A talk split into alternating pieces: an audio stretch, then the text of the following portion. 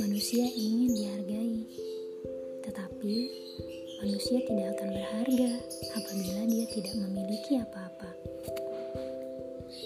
Maka daripada itu, pada usia yang masih muda seperti ini, kita sibukkan diri dengan mencari apa-apa tersebut agar kita menjadi manusia yang berharga.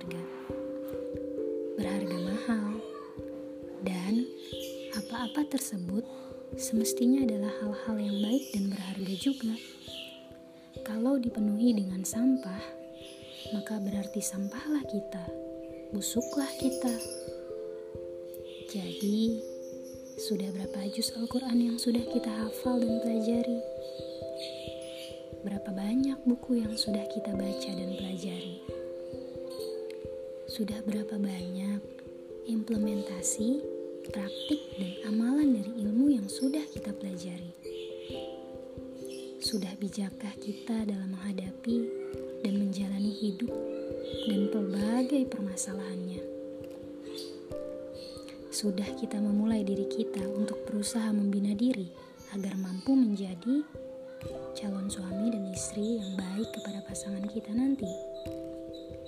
Daftar pertanyaan-pertanyaan seperti di atas sepatutnya senantiasa berjalan-jalan di otak kita, menjadikan diri kita mahal dan berharga tinggi.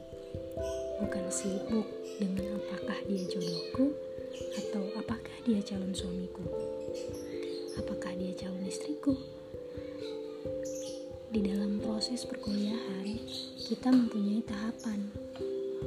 Begitu juga dalam proses percintaan dan mendirikan rumah tangga.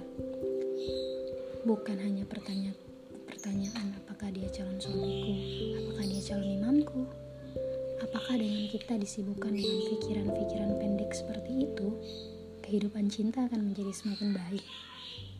Tentu tidak. Maka daripada itu, saya lebih senang menyibukkan diri untuk menjadi diri yang besar mengembara melihat dunia, menimba